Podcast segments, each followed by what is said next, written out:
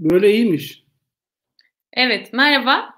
Mehmet Bey, hoş geldiniz yayınımıza Sayın Tiryaki. Önce e, bir özet geçelim. Neden buradayız, ne yapıyoruz diye. E, öncelikle ambargoyu kırmaya çalışıyoruz. Koronavirüs salgını sebebiyle bulunduğumuz yerlerden de e, takipçilerimize, seçmenlerimize, izleyicilerimize ulaşmaya çalışıyoruz. E, her seferinde yeni yeni yöntemler deniyoruz. Bu sefer bu mecralardayız. Farklı bir yöntemle. Bu ilk de bizimle birlikte olduğunuz için teşekkür ediyoruz ve hoş geldiniz diyoruz yayınımıza. Ben teşekkür ediyorum. İyi yayınlar diliyorum. Şimdi biz programımızın adına HDP ne diyor dedik. Bunun birinci sebebi elbette ambargoyu kırmak. Yarın da çok önemli bir yasa teklifi görüşülmeye başlanacak mecliste. Zaten bir süredir kamuoyunun gündeminde. Ee, sizin bu konudaki görüşlerinizi almak istiyoruz e, izleyicilerden gelen soruları toparladık gün boyunca. Bunları hızlıca size ileteceğiz. Ne kadar çok soru sorabilirsek o kadar iyi diyoruz ama sıcak bir gelişmeyi önce size iletelim, soralım önce. Cumhurbaşkanı konuştu bizden yaklaşık bir saat önce ve cezaevlerindeki duruma ilişkin, yarın görüşecek infaz yasasına ilişkin neredeyse hiçbir şey söylemedi. Sizin bu konudaki değerlendirmenizi alarak başlayalım. Sonra da izleyicilerin sorularına geçelim. Ee, anladığımız kadarıyla hükümet e, cezaevlerinin durumunu çok daha e, iktidar hükümet tam bir hükümet değil de iktidar diyelim. cezaevleri sorununu hem ciddiye alıyormuş gibi gözüküyor. Bu infaz e, yargı paketinin gelmesinin nedeni o. Ama aynı zamanda fiilen e, bu konuda bir söz söylemeyerek sadece görüntüde e, cezaevlerini düşünüyormuş gibi bir izlenim yaratıyor. Yani bugün Cumhurbaşkanı'nın da e, bu konuda bir şey söylememesini bu biçimde anlamak gerekir. Teşekkür ederiz. Bu benim sorum olsun. İlk soru benimle başlasın. Şimdi gün boyu e, takipçilerimizden gelen, çeşitli sosyal mecralardan gelen soruları hızlıca ileteceğim size. Ee, en çok sorulan soru şu tabii çokça gelmiş. Af çıkacak mı? Yarın görüşülmeye başlanacak olan gerçekten bir af mı diye soruyor takipçilerimiz. Aslında bir af yasası. Neden bir af yasası? Sonuçta af yasası dediğimiz şey doğrudan e, ceza almış kişilerin aldıkları cezaların infazının bir kısmının e, affedilmesi. E, yarınki, e, yarın görüşülmeye başlanacak e, infaz yasası da e, böyle e, hem denetimli serbestlikle hem de infaz rejiminde yapacağı bazı değişikliklerle çünkü bazı e, suçlardan alınan cezaların infaz süresi e, 3'te 2'den, e, 4'te 3'ten 1 bölü 2'ye indiriliyor.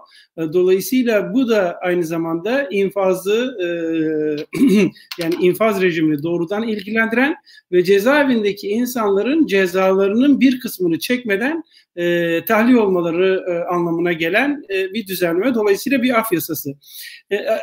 Şu açıdan önemli. Eğer bu bir af yasasıysa Türkiye Büyük Millet Meclisi'nin üçte ikisinin desteğini alması gerekiyor. Yani 600 milletvekilinden 400'ünün e, bu yasaya olumlu destek vermesi gerekiyor. Aksi takdirde e, bu, bu teklifin yasalaşması mümkün değil. E, fakat Adalet ve Kalkınma Partisi bunun bir af yasası olmadığını, e, 5275 sayılı ceza infaz yasası ve bazı yasalarda değişiklik öngören bir yasa olduğunu söylüyor. Dolayısıyla 3'te 2'lik bir destek anlamına gelmeyeceğini söylüyor. Ama özü itibariyle bunu bir af yasasını, bir af yasası olduğunu söylemek yanlış olmayacaktır. E, bu bütün bu tartışmalarla bağlantılı olan e, ve çokça sorulan bir başka soru e, geneli kapsamadığını biliyoruz. Kaç kişi yararlanabiliyor? Düşüncelerinden dolayı cezaevinde olan kaç kişi kapsam dışı bırakılı, bırakılıyor? Şimdi bu rakamları bizim bilmemiz mümkün değil. E, bakın geçen hafta Salı günü e, Türkiye Büyük Millet Meclisi'ne e, bu yasa teklifini Adalet Kalkınma Partisi milletvekilleri ve Milliyetçi Hareket Partisi milletvekillerinin imzasını taşıyan bu teklif Türkiye Büyük Millet Meclisi'ne sunuldu. Türkiye Büyük Millet Meclisi'ne sunulduktan sonra biliyorsunuz bütün partileri ziyaret etti Adalet ve Kalkınma Partisi. Beş yıl aradan sonra ilk kez bizimle de görüştüler. E, Halkların Demokratik Partisi'ni de ziyaret ettiler. Diğer partileri de ziyaret ettiler. Bundan sonra grup başkan vekilleri ve milletvekillerinin içerisinde yer aldığı bir dizi görüş görüşmeler oldu. E, daha sonra da e, daha sonra da e, biliyorsunuz e, Cuma günü e, yaklaşık 18 saat e, süren e, bir görüşme maratonu sonucunda e, yasa teklifi tamamlandı ve e, meclisin e, önüne geldi. Şimdi bu görüşmelerin e, hemen hemen tamamında e, muhalefet partileri olarak biz bunu sorduk. Yani sizin getirdiğiniz bu tekliften kaç kişi yararlanacak? Hangi suçlar için tam olarak öngörüyorsunuz? Hangi suçlardan kaç kişi e, bu yasadan yararlanacak? Yani hem infaz indiriminden hem de denetimli serbestlikten. Yani koşullu salı vermeden ve denetimli serbestlik hükümlerden kaç kişi yararlanacak diye sorduk. Bu konuda çalışma yapacaklarını, en geç e, komisyon çalışmaları sırasında bunu e, bizimle paylaşacaklarını söylediler ama biz hala bilmiyoruz. Sadece e, bu teklifi meclise verdikleri gün 45 bin ile 90 bin arasında kişinin e, yararlanacağını söylüyorlar. Şimdi elimizde hangi suçtan e, ceza almış e, kişilerin cezaevinde olduğuna dair bir veri olmadığı için bunu bizim söylememiz mümkün değil. Ama Adalet Bakanlığı'nın elinde bu veriler var. Bunu kamuoyuyla paylaşmasını e, bekliyoruz. Sadece ortada dolaşan rakam Adalet Kalkınma Partisi'nin söylediği rakamlar 90 bin kişi bundan yararlanabilir diyorlar. Bu hangi suç tiplerinden kaç kişi ne kadar süreyle yararlanacak ancak Adalet Bakanlığı'ndan alınacak veriyle e, açıklanabilir. Dolayısıyla bizim şu anda bir rakam söylememiz e, eksik olur. Ya, tam olarak gerçeği yansıtmayabilir bir belirsizlik var. Hemen ikinci evet. soruya geçelim. Aslında e, HDP'nin tutumunu biliyoruz. Bütün kamuoyu biliyor. Ee, ama HDP'nin tutumunu da kısaca bir özetleyerek e, şöyle bir soru gelmiş takipçilerimizden birinden. Mevcut haliyle yasada uzlaşma teklifi gelirse HDP'nin bundan sonraki tavrı ne olur? Yani mevcut yasada uzlaşma bizim açımızdan mümkün değil. Yani teklif bu haliyle kaldığında biz buna bugüne kadar olduğu gibi bundan sonra da e, Türkiye Büyük Millet Meclisi Genel Kurulu'nda görüşüldüğünde de güçlü bir şekilde muhalefet etmeye devam ederiz. E, fakat Adalet Kalkınma Partisi bu yasa teklifi içerisinde e, yeni bir düzenlemeye giderse, infazda eşitliği sağlayacak bir adım atarsa, e, bu konuda bir yaklaşım sergilerse kuşkusuz biz e, destek vermeye hazırız. Çünkü bu yasanın geliş amacı zaten koronavirüs, yani bir pandemi, e, Covid-19 virüsü ve gerçekten dezavantajlı durumunda olan cezaevindeki insanların yaşam hakkı ile ilgili bir konuyu konuşuyoruz. Dolayısıyla e, kurulacak her cümlenin özenle seçilmesi gerekir. Yani bu kadar kişinin e, yararlanması demek kalan kişilerin yararlanmaması anlamına gelecek ve yararlanmayan kişilerin de yaşam hakkına ilişkin olarak Türkiye Büyük Millet Meclisi'nin ve teklif sahiplerinin bir karar vermesi anlamına geliyor. Biz bunun kapsamının olabildiğince geniş tutulması gerektiğini söylüyoruz. Şimdi başta söyledim. Dedim ki bu bir af yasası e, ama varsayalım Adalet ve Kalkınma Partisi'nin söylediği e, doğru olsun. Bu bir af yasası olmasın. İnfaz yasasında bir düzenleme olsun.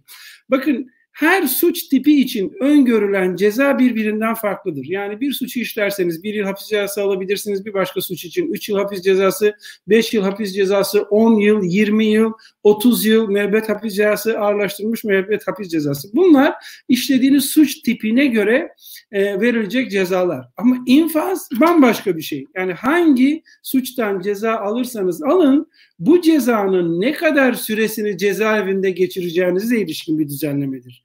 Ee, ve bir müddetname hazırlanır. Mahkeme bir karar verdiğinde size der ki şu tarihte tutuklandınız, şu tarihte e, kararınız kesinleşti, şu tarihe kadar cezaevinde kalacaksınız, şu tarihten sonra koşullu salı vermeden yararlanacaksınız. Ama bu hukukçular dahil olmak üzere o kadar öngörülemez ki. Çünkü bazı suçlar için aldığınız cezanın dörtte üçünü yatıyorsunuz. Bazıları için üçte ikisini yatıyorsunuz. Denetimli serbestlikten herkes yararlanamıyor. Herkes farklı farklı yıllar içerisinde yararlanıyor. Dolayısıyla karmaşık bir sistem. Biz bunun basit ve sade bir hale, anlaşılır bir hale getirilmesini önerdik. Ama bu teklif ne yapıyor biliyor musunuz? Yani yeni bir şey daha getiriyor. Yani bazı suçlar için dörtte üç aldığınız cezanın dörtte üçünü hapiste geçiriyorsunuz. Bazıları için üçte ikisini geçiriyorsunuz. Şimdi bu teklif yasalaşırsa bazı suçlar için de bir bölü ikisini. Yani altı yıl hapis cezası alan birisi bazı suçlar için dört buçuk yıl, bazı suçlar için 4 yıl, bazı suçlar için 3 yıl hapiste kalacak anlamına gelir. Bir de bazı suçlar için bu 3 yıllık denetimli serbestlik süresinden yararlanacağını varsayarsanız bu yasa geçtiğinde bazı suçlar için cezaevinde kalacağı kişinin süre bir güne tekabül edecek. Yani bir gün cezaevinde girip çıkması anlamına gelecek. Yani e, bu bir adaletsizlik. Yani her suçun cezası aynı olmaz. Biz bunu anlayabiliyoruz. E, yani bunu biz anlamak dediğim yani bütün hukukçular evrensel bir şey. Her suçun cezası aynı değil kuşkusuz. Ama infazda adaleti sağlayacak tek şey e, infazda eşitlik kuralına uymaktır. Bu infaza ilişkin düzenlemeden herkesin adil ve eşit biçimde yararlanması gerekir. Biz bu konuda e, yapılacak her düzenlemeye parti olarak destek vereceğimizi söyledik. Hemen bağlantılı bir soruya geçeceğim ama sizden bir ricam e, ne kadar kısa cevaplar o kadar çok soru tamam. biraz tempoyu artıralım istiyorum ben. Çünkü tamam. çok birikmiş soru var. Milyonların gözü gerçekten yarın genel kurulda olacak. Ne olacağını merak ediyorlar. Bizim tavrımızı merak ediyorlar. Bağlantılı soruyu hemen soruyorum. E, genel kurulda bu yasa teklifine ne kadar müdahale edilebilir? Değişiklik yapılma şansı var mı? Ne kadar mümkün? HDP ne yapacak bu konuda? Teorik olarak var. E, sonuçta bu maddelerin her birisi hem geneli görüşmeye açılacak hem de maddeler görüşmeye açılacak. Bu maddelere ilişkin bizim de diğer muhalefet partilerinin de teklifleri var. Ayrıca teklif sahipleri Adalet Kalkınma Partisi ve MHP de kendi tekliflerinde revizyona gidebilirler. Kendileri de teklif sunabilirler. Dolayısıyla bu yasa Türkiye Büyük Millet Meclisi'nden tamamı görüşülüp onaylanana kadar değiştirilme şansı var. Mümkün. Ee, bir başka soru, ee, günlerdir aslında tartıştığımız, e, sosyal medyada da çokça tartışılan, bu mecralarda da çok tartışılan bir konu. Sizce bu yasa tasarısı neden şimdi getirildi? Bu bir tesadüf mü yoksa bir niyet mi var? Şimdi bu e, af yasası dediğimiz e, şimdi de infaz e, yasasında değişiklik öne, e, öneren bu yasa aslında e, uzunca bir süredir tartışılıyor. Adalet Kalkınma Partisi de bunu tartışıyor. Teklifte imzası olan Milliyetçi Hareket Partisi de e, seçim beyannamelerinde yer alan düzenlemelerden biriydi. Dolayısıyla bu yeni bir şey değil. Bütün siyasi partilerin bu infaz yasasına ilişkin düşünceleri var, önerileri var. Ee, yani dün hazırlanıp bugün Türkiye Büyük Millet Meclisi'nin önüne gelmedi. Bu, bunun için söylüyorum bunu. Ama bugün gündeme gelmesinin nedeni çok açık. Ee, koronavirüs e, salgını var ve bir pandemi bütün insanlığı tehdit ediyor. Cezaevindeki insanlar dezavantajlı durumda. Cezaevi kapasitesinin üçte birinden daha fazla kişi şu anda cezaevlerinde yatıyor. Ee, yani 100-150 bin kişilik cezaevlerinde şu anda 300 bin e, tutuklu ve e, hükümlü var. Dolayısıyla gündeme gelmesinin temel nedeni bu. Herkes eşit şekilde etkileniyor e, bu salgından ve herkes eşit biçimde yararlanmalı. Ee, bir başka konu merak ediyor izleyicilerimiz, takipçilerimiz. İktidarın açıkladığı gibi cezaevlerinde alınan önlemler yeterli mi? Ee, korona tespit edilmediği söyleniyor. Gerçekten korona tespit edilmedi mi? Sizin bir bilginiz var mı? Yani bu konudaki bilgilerin tam olarak gerçeği yansıtmadığını düşünüyoruz. Ee, örneğin bizim Derik Belediye Başkanımız e, da e, tahliye edildi ve tahliye edilmesinin gerekçesi mahkeme kararında var. Yani koronavirüs testi pozitif çıktığı için tahliye edilmiştir diyor. Yani tahliye kararı veren mahkeme kar mahkeme bunu söylüyor. Dolayısıyla cezaevlerinde e, Covid-19 vakası yoktur bilgisi gerçeği yansıtmıyor. Başka cezaevlerinden de bu tür duyumlar aldık. Hmm, hastaneye nakledilen e, mahpuslar var. E, ve cezaevleri bir tehdit altında e, güllük gülistanlıkmış gibi bir dil kullanıyorsa her kim kullanıyorsa bunu doğru bir dil değil cezaevlerinde bu tür vakalar var. Mahkeme kararlarına geçmiş. Ayrıca henüz tam olarak teşhisleri tanıları kamuoyuyla paylaşılmadığı için bilmediğimiz vakalar da var. Zaten bugün tartışıyor olmamızın temel nedeni bu. Ayrıca umarız henüz hasta yoktur. Yani hani bu bizim açımızdan bir beklenti değil. Bütün kamuoyu e, hiç kimsenin olmamasını ister. Cezaevinde hiçbir e, mahpusun bu hastalığa yakalanmamasını, karşılaşmamasını ister. E, alınan önlemlere gelince e, alınan önlemlerin bir kısmı evet doğru. Ama hani tartışılabilecek şeyler de var. Mesela biz cezaevindeki insanlar tahliye edilmeli bu hastalıktan koruması için diyoruz. Hükümet bırakın cezaevindekileri tahliye etmeyi infaz memurlarını da cezaevine doldurmuş durumda. Onların da cezaevinden çıkması artık yasak. Onlar da cezaevlerinde fiilen kalıyorlar. Ama e, diğer önlemler yeterince e, e, dezenfektan e, maddelerinin e, mahpuslarla paylaşılmadığını biliyoruz. E, çok çok sayıda cezaevinden gelen mesaj var. E, çok az e, temizlik ürünü verilmiş ama onun dışında kolonya gibi, maske gibi, eldiven gibi bu tür malzemelerin e, sınırlı olduğu söyleniyor. Ayrıca mahpuslar bunları cezaevinden almak zorundalar. E, bir cezaevinden gelen mesaj aynen şöyleydi. Ben bu malzemeler için günde 17 TL vermek zorundayım. Ama benim buna olanaklarım yok. E, ayda 500 TL'yi e, sadece e, basit dezenfektan ürünlerine verecek olanaklara sahip, ekonomik olanaklara sahip değilim demişti. Anladığımız kadarıyla cezaevinde bu tür taleplerin tamamı karşılanmıyor. Ee, ne yazık ki HDP'nin sosyal medya mecralarına da maillerine de çokça bu yönde mesajlar geliyor. Ee, bu talepleri, sıkıntıları biz de görüyoruz. Ee, bir başka konu e, cezaevlerinde bulunan e, siyasi tutuklulara, HDP'li tutuklulara yönelik. Şöyle soru, avukatlar siyasi mahpuslarla görüşebiliyor mu? Demirtaş'ın, Yüksekdağ ve diğer siyasi tutukluların sağlık durumları nasıl? Ee, e, önceki dönem eş genel başkanımız Sayın e, Demirtaş'ın e, sağlık durumunun riskli olduğunu e, bizzat daha önce kendisine e, anjiyo yapan e, hekim tarafından söylendi. Dolayısıyla eş genel başkanımızın risk grubunda olduğu çok açık. E, kardiyolojik problemleri var. E, kalp rahatsızlığı ile ilgili. E, çok sayıda partili arkadaşımızın, büyüğümüzün hem yaş itibariyle hem de e, rahatsızlıkları, hastalıkları itibariyle risk altında olduğunu biliyoruz. Zaten çağrımızın en başında bunlar vardı. Yani çocuklu e, kadınlar, yaşlılar sayısı 1400 olan ve bunların 458 tanesi yaşam tehlikesi altında olan yani koronavirüsten bağımsız olarak yaşam tehlikesi altında e, hasta mahpusların, tutsakların serbest bırakılması talebimiz vardı. Avukatlar görüşebiliyorlar mı? Evet avukatlara henüz bu konuda bir yasak getirilmiş değil. E, fakat avukatların başka bir talebi var. Şimdi bu koronavirüs e, insanlar tarafından taşınan bir rahatsızlık. Bunu öğreniyoruz e, uzmanların verdiği bilgilerden. Dolayısıyla bir avukatın cezaevine gitmesi, müvekkiliyle görüşmesi aslında hastalığı taşıma riski doğuruyor. Dolayısıyla avukatlar e, bunu çok tercih etmiyorlar. E, avukatların da partimizin de bu konuda başka bir önerisi var. E, yapılacak bir düzenlemeyle e, mahpusların sadece aileleriyle değil, avukatlarıyla da telefonla görüşmesinin önünü açmak. Dolayısıyla hastalık riskini en az en aza indirecek önlemlerden birisi olur. E, avukatlar e, istemedikleri için müvekkilleri riske girmesin diye cezaevlerine gitmiyorlar. Ama bunun çözümü basit. Onlarla telefon görüşmesi hakkı tanınarak bu sorun çözülebilir.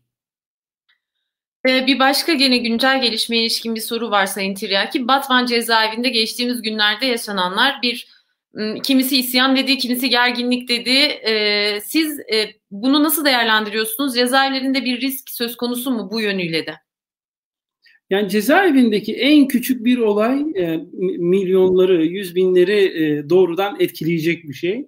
Bakın o gün e, bu Covid-19 nedeniyle işte e, sosyal mesafenin korunmasından bahsediyor herkes.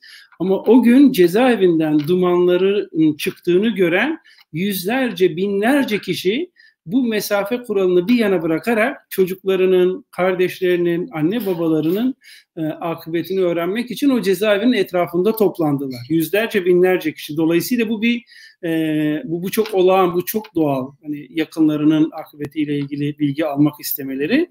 Bizim aldığımız bilgi şu: e, adli suçlardan yargılanan veya hükümlü olanların e, bulunduğu e, koğuşlarda e, olayların bazı olayların gerçekleştiği yönde, yangın çıktığı yönde e, bu bu bu çıkan e, infaz teklifin ile ilgili rahatsızlıklarını, tepkilerini, taleplerini gündeme getiren insanların e, bir tepkisi olarak anlamak lazım bunu. E, bu, bu, bu, bu umarız e, benzer olayları yaşamayız çünkü gerçekten e, o gün e, geç saatlere kadar e, Batman milletvekili olarak Batman yani neler yaşadığımızı, bir Batman olarak neler yaşadığımı yaşadığımızı bir biz biliriz. E, aileler çok geç saatlere kadar yüzlerce kişi bizleri aradı, bilgi almaya çalıştı. E, milletvekillerimiz e, de tam olarak cezaevinin içine giremediler ama bütün gelişmeleri yakından takip ettiler. İki tane milletvekilimiz de bizzat oradaydı. E, cezaevlerinde umarız benzer olaylar yaşamayız ama beklentilerinin karşılanmadığını gören e, mahpusların bir tepkisi olarak görmek lazım. Yani tek dua ettiğimiz şey hiç kimsenin burnunun kanamamış olması. E, ama e, daha sonra e, olaylar kontrol altına alındıktan sonra e, 250 mahpusun e, Diyarbakır e, cezaevine e, başta Diyarbakır cezaevi olmak üzere başka cezaevlerine nakledildiklerini öğrendik. E, HDP milletvekillerinin büyük bir çabası oldu akşam gerçekten. Kamuoyuna da yansıdı bu çaba. E, bir başka soru artık programın sonuna doğru geliyoruz. Son birkaç sorumuzu daha e, iletelim. İmralı cezaevindeki durum ne? Herhangi bir temas sağlandı mı? İmralı'dan haber alınabiliyor mu? Hayır hiçbir haber alınamıyor. En son biliyorsunuz e, cezaevinde çıkan bir yangın nedeniyle büyük bir toplumsal duyarlılık oluşmuştu. Herkes e, İmralı cezaevinde yaşanan e, bu yangından Sayın Öcalan'ın etkilenip etkilenmediğini merak ediyordu. E, kamuoyunda çok ciddi çağrılar oldu. Ailesinden çağrılar oldu. E, Asrın Hukuk Bürosu'ndan ve avukatlarından çağrılar oldu. E, ve bu çağrılardan sonra e, kardeşi e, Sayın e, Mehmet Öcalan cezaevine gitti. E, o bu bu yangın e, te, e, olayından sonra tek görüşme oldu. Daha sonra ne avukatlarından ne de ailesinden herhangi birisi e, İmralı cezaevine gitmiş değil. E, koronavirüs e, pandemisinden pandemisinden sonra e, nasıl bir önlem alındığı konusunda bilgi sahibi değiliz. E, sağlığı ile ilgili bilgi sahibi değiliz. E, el, elbette e, Sayın Hocam'ın sağlık durumu toplumun büyük bir kesimini yakından e, ilgilendiriyor e, ve herkes e, bu konuda e, kapıların bir şekilde açılıp ailesinin, avukatlarının bilgi almasını talep ediyor. Ama şu ana kadar e, koronavirüs salgınından sonra alınmış herhangi bir bilgi yok. Son sorumuzu da iletelim Sayın Tiryaki. E, teklif meclisten geçer ve yasalaşırsa ne olur? Yasadan faydalanmayanlar için HDP'nin bundan sonraki tavrı ne olur diye bir soru daha var. Yani şimdi e, teklifte e, yararlanacak kişiler var, yararlanmayacak kişiler var. Bunun kapsamının e, geniş tutulması için, olabildiğince geniş tutulması için e, toplumsal barışa hizmet edecek e, bir düzeye çekilmesi için e, kamuoyunu rencide etmeyecek, kırmayacak, öfkelendirmeyecek e, ama kamuoyunun büyük bir bölümünün desteğini sağlayacak bir düzenleme yapılması için bugüne kadar olduğu gibi bundan sonra da e, genel kurulda muhalefetimizi sürdüreceğiz. Aynı zamanda önerilerimizi de sunacağız ve bu sunduğumuz öneriler emin olun e, milyonların talepleri olacak, halkımızın talepleri olacak. Bunun bir, bir çözüm için önerilerimiz de olacak.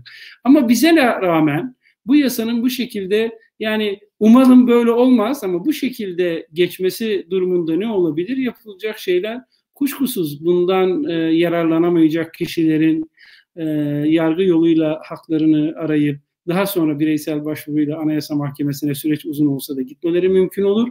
E, ayrıca Anayasa Mahkemesi'ne e, başvurulması çağrısını yaparız ama henüz e, yani umarım bu bu aşamaya gelmez.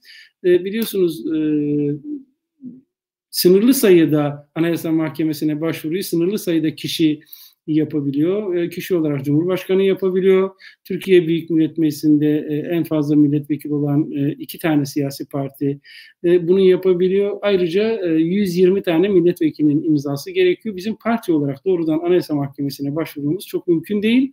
Ama Anayasa Mahkemesi'ne başvurulması için elbette girişimlerimiz olur ama umalım Anayasa Mahkemesi tartışması yaşamadan önce bir toplumsal uzlaşma e, koşulları yaratılır. Türkiye Büyük Millet Meclisi'nde de bir uzlaşma e, koşulu yaratılır.